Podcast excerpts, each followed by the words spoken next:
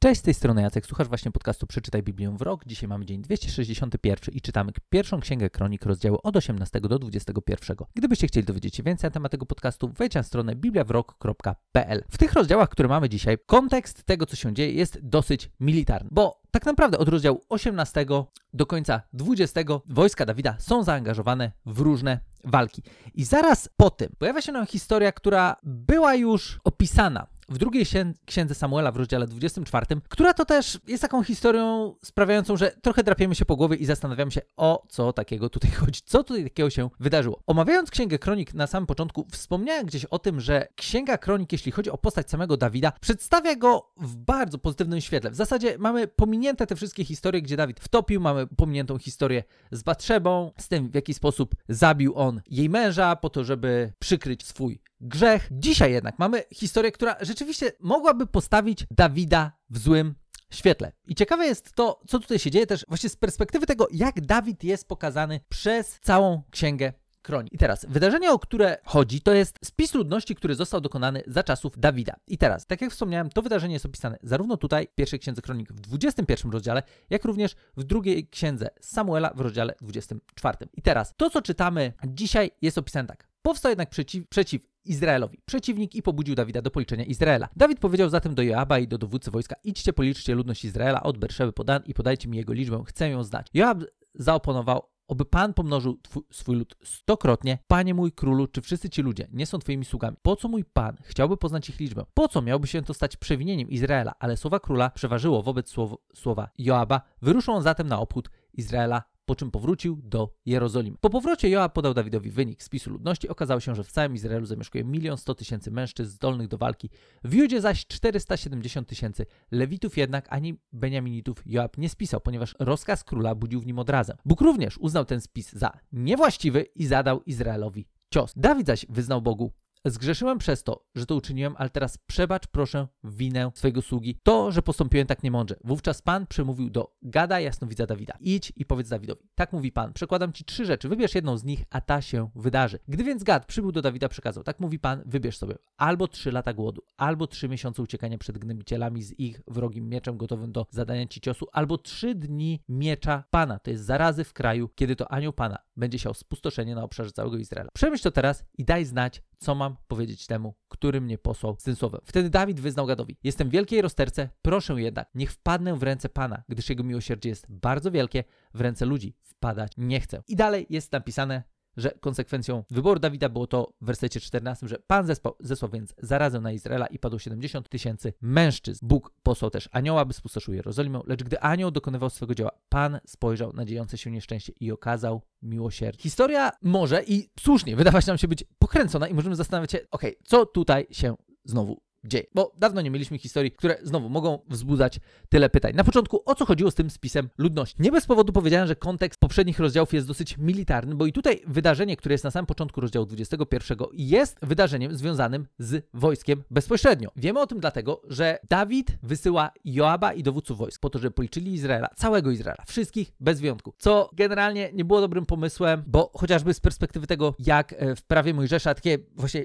liczenia były postrzegane, to w pewien sposób coś takiego mogło wskazywać na to, że Dawid niejako patrzył na te osoby, które miały być policzone, jako na swoją własność. Co już sami widzicie, że nie jest dobrym pomysłem bo wiemy, że Izrael był własnością samego Boga. I teraz, Lewici w ogóle nie mieli być liczeni, to już jest osobna kwestia. W zasadzie jedno liczenie, takie, ten taki spis ludności, który się odbył, to był jeszcze za czasów Mojżesza, z tym, że wtedy Mojżesz miał wyraźne polecenie od Boga, że ma ludzi policzyć. To, co Dawid tutaj zrobił, wskazuje na to, że pomimo tego, że bardzo skutecznie szły mu walki z różnymi przeciwnikami, to dokonując tego spisu, Dawid sprawdzał, jakie ma w ogóle możliwości militarne. To nic, że wcześniej wszystkie walki szły ok, że tak naprawdę pokonywali swoich przeciwników, że jako w ogóle przywódca militarny Dawid był naprawdę wyjątkowym królem. Tutaj jednak wygląda na to, że w pewien sposób on chciał sprawdzić, co on może zrobić, zamiast polegać na tym, co Bóg może uczynić. To, że kontekst jest militarny, znowu jest związany z tym, że kiedy Joab policzył ludzi i przyszedł z wynikiem, to powiedział, że Izraelu zamieszkuje 1 100 tysięcy mężczyzn zdolnych do walki, w Judzie zaś 470 tysięcy. Więc widzimy tutaj to, że tak naprawdę liczone było wojsko.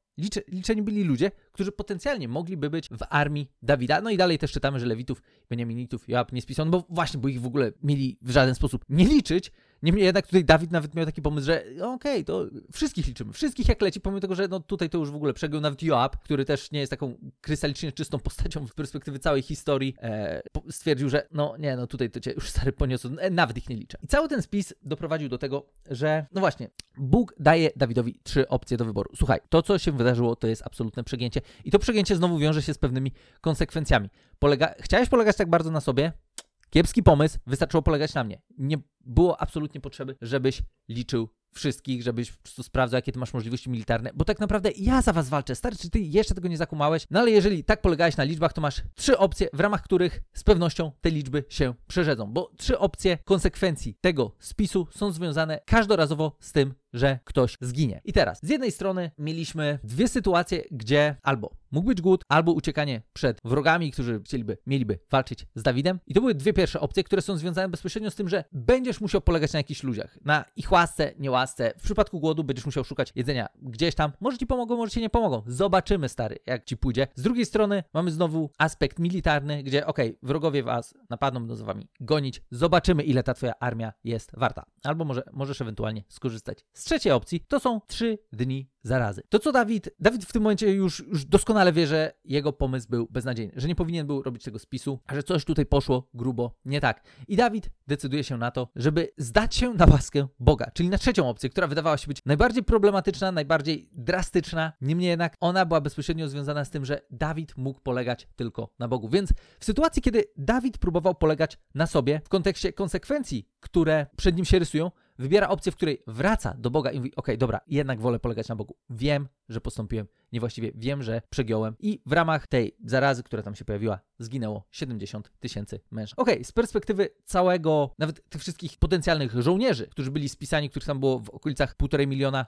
te 70 tysięcy wydaje się być garstką. Niemniej jednak wciąż mówimy o 70 tysiącach ludzkich tragedii, które się wydarzyły przez to, że Dawid popełnił tak głupią rzecz. I teraz, dlaczego Dawid to zrobił? W sumie to do końca nie wiemy. Mówię dlaczego, bo na samym początku jest napisane, że powstał jednak przeciw Izraelowi przeciwnik i pobudził Dawida do policzenia Izraela. To jest to, jak to jest zapisane w pierwszej księdze kronik. Z kolei, jeśli chodzi o drugą księgę Samuela, 24 rozdział, jest napisane, że e, potem znów zapłonął gniew Pana na Izraela, tak, że pobudził przeciwko niemu Dawida, idź policz Izraela i Judę. I teraz, tutaj widzimy trochę to, co się dzieje. Z jakiegoś powodu Właśnie wracam też do Samuela, bo to nam daje więcej kontekstu tego, co się wydarzyło. To nie jest to, że Bóg miał jakiś problem do samego Dawida. Widzimy tutaj, że z jakiegoś powodu coś nie tak działo się wtedy w Izraelu. Bo znowu, moglibyście powiedzieć, dobra, ale jeżeli to Dawid schrzanił, to czemu wszyscy dostali w ciry? Czemu wszyscy inni ponieśli konsekwencje tego? No i tutaj widzimy, że tak naprawdę niejako Bóg użył Dawida do tego, żeby Izrael poniósł konsekwencje jakichś swoich złych wyborów. Jakie to były w sumie, nie wiem, no tutaj nie jest to jakoś szczególnie jasne, ale właśnie z perspektywy drugiej księgi Samuela widzimy, że zapłonął gniew Pana na Izraela, także pobudził przeciwko niemu Dawida. I teraz tak, żeby było jasne, tutaj akurat problemem trochę jest kwestia językowo-tłumaczeniowa. Nie mamy tutaj podmiotu, który dokładnie pobudził przeciw niemu Dawida, więc tutaj nie idźmy w stronę, że aha, aha to Bóg pobudził yy, przeciwko ludowi Dawida. Nie, bo tutaj tego nie ma napisanego zwyczajnie. Z drugiej strony, kiedy czytamy pierwszą księgę kronik, to mamy tutaj napisane, że powstał przeciw Izraelowi przeciwnik i pobudził Dawida do policzenia Izraela. I znowu, w sumie tutaj też widzimy to, że problemem był Izrael, problemem nie był Dawid. Dawid niejako stał się narzędziem do tego, żeby doprowadzić do jakiegoś tam rozprawienia się z ludem, który najwyraźniej coś miał za uszami w tamtym momencie. I teraz, ten przeciwnik, który tutaj się pojawia w pierwszej księdze kronik, to jest słowo szatan. Nie chodzi tu jednak o diabła, żeby było jasne. O tym rozmawialiśmy już kilkukrotnie, że w języku hebrajskim samo słowo szatan to zwyczajnie oznacza przeciwnik. To niekoniecznie musi oznaczać diabła. Może w pewnych konkretnych okolicznościach e, i w pewnym konkretnym użyciu językowym tutaj jednak mamy przeciwnika, do tłumaczenia, z którego ja tutaj przeczytałem, też pokazuje nam przeciwnika, gdzie nie, gdzie możecie znaleźć szatana. Tylko, że tu nie chodzi o to, że wiecie, diabła, Dawida. Tu nie odchodzi. Tak naprawdę ten przeciwnik, to szczerze mówiąc, równie dobrze mógłby być jakiś doradca, który podpuścił Dawida, chcący, niechcący, ale jednak to zrobił. Nie wiemy dokładnie o co tutaj chodziło. Wiemy jednak, że ktoś przeciwstawił się Izraelowi po to, żeby pobudzić Dawida do, taki, do takiego ruchu. Ten ruch był beznadziejny i ten ruch wiązał się ogromnymi konsekwencjami. Pomimo tego, że jednak mamy tutaj bardzo ważną lekcję dla nas, bo tak naprawdę cała historia rozbija się trochę wokół tego, na kim my tak właściwie polegamy. Dawid, przeprowadzając ten spis ludności, pokazał, że chce w pewien sposób polegać na swoich możliwościach militarnych. Wysłał Joaba, policzeni byli potencjalni żołnierze. Widzimy, że kontekst był tu bardzo militarny. Pomimo tego, że wcześniej polegając na Bogu odnosił same sukcesy,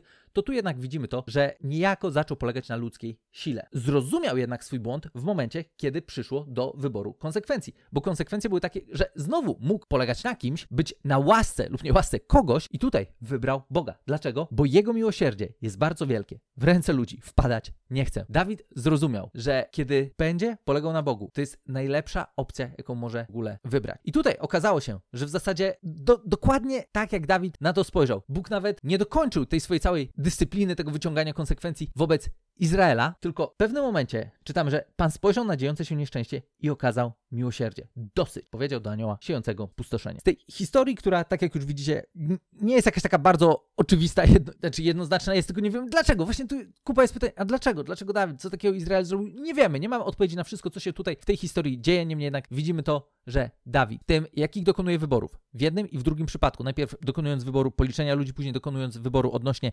konsekwencji, daje nam lekcję tego, na kim my właściwie chcemy polegać. Czy będziemy polegać na Bogu, czy będziemy polegać na własnej sile, z czego poleganie na Bogu zawsze okazuje się być najlepszym pomysłem, bo nawet w sytuacji tych konsekwencji, które zostały wobec Izraela wyciągnięte, widzimy ogromne Boże miłosierdzie. Widzimy to, że Bogu wcale nie zależy w żaden sposób na tym, żeby musieć nas jakoś dyscyplinować. On po prostu chce, żebyśmy polegali na nim, żebyśmy nie patrzyli na to, jakie my mamy możliwości, ale na to, jakie on ma możliwości, na to, jak on nas prowadzi i na to, w jaki sposób korzystać z jego łaski, którą on chce nam udzielać każdego dnia, po to, żebyśmy mogli iść przed życie i realizować misję, do której on nas Tyle z mojej strony na dzisiaj, jeśli chodzi o tę nieco niezwykłą historię, która się tutaj pojawia. Mam nadzieję, że to, co sobie dzisiaj omówiliśmy, było dla Was pomocne, pozwoliło Wam trochę lepiej załapać, o co tutaj w tej historii chodzi, no bo doskonale wiem, że nie jest ona jakoś taka najbardziej oczywista, kiedy patrzymy na, sam, na nią na samym początku. Niemniej jednak tutaj widzimy już, mam nadzieję, co takiego się wydarzyło, dlaczego się wydarzyło i jakie lekcje z tego są dla nas. A lekcja najważniejsza jest taka: nauczmy się żyć życiem, w którym polegamy na Bogu tylko i wyłącznie, a nie na swoich możliwościach, jakkolwiek fantastyczne i spektakularne one by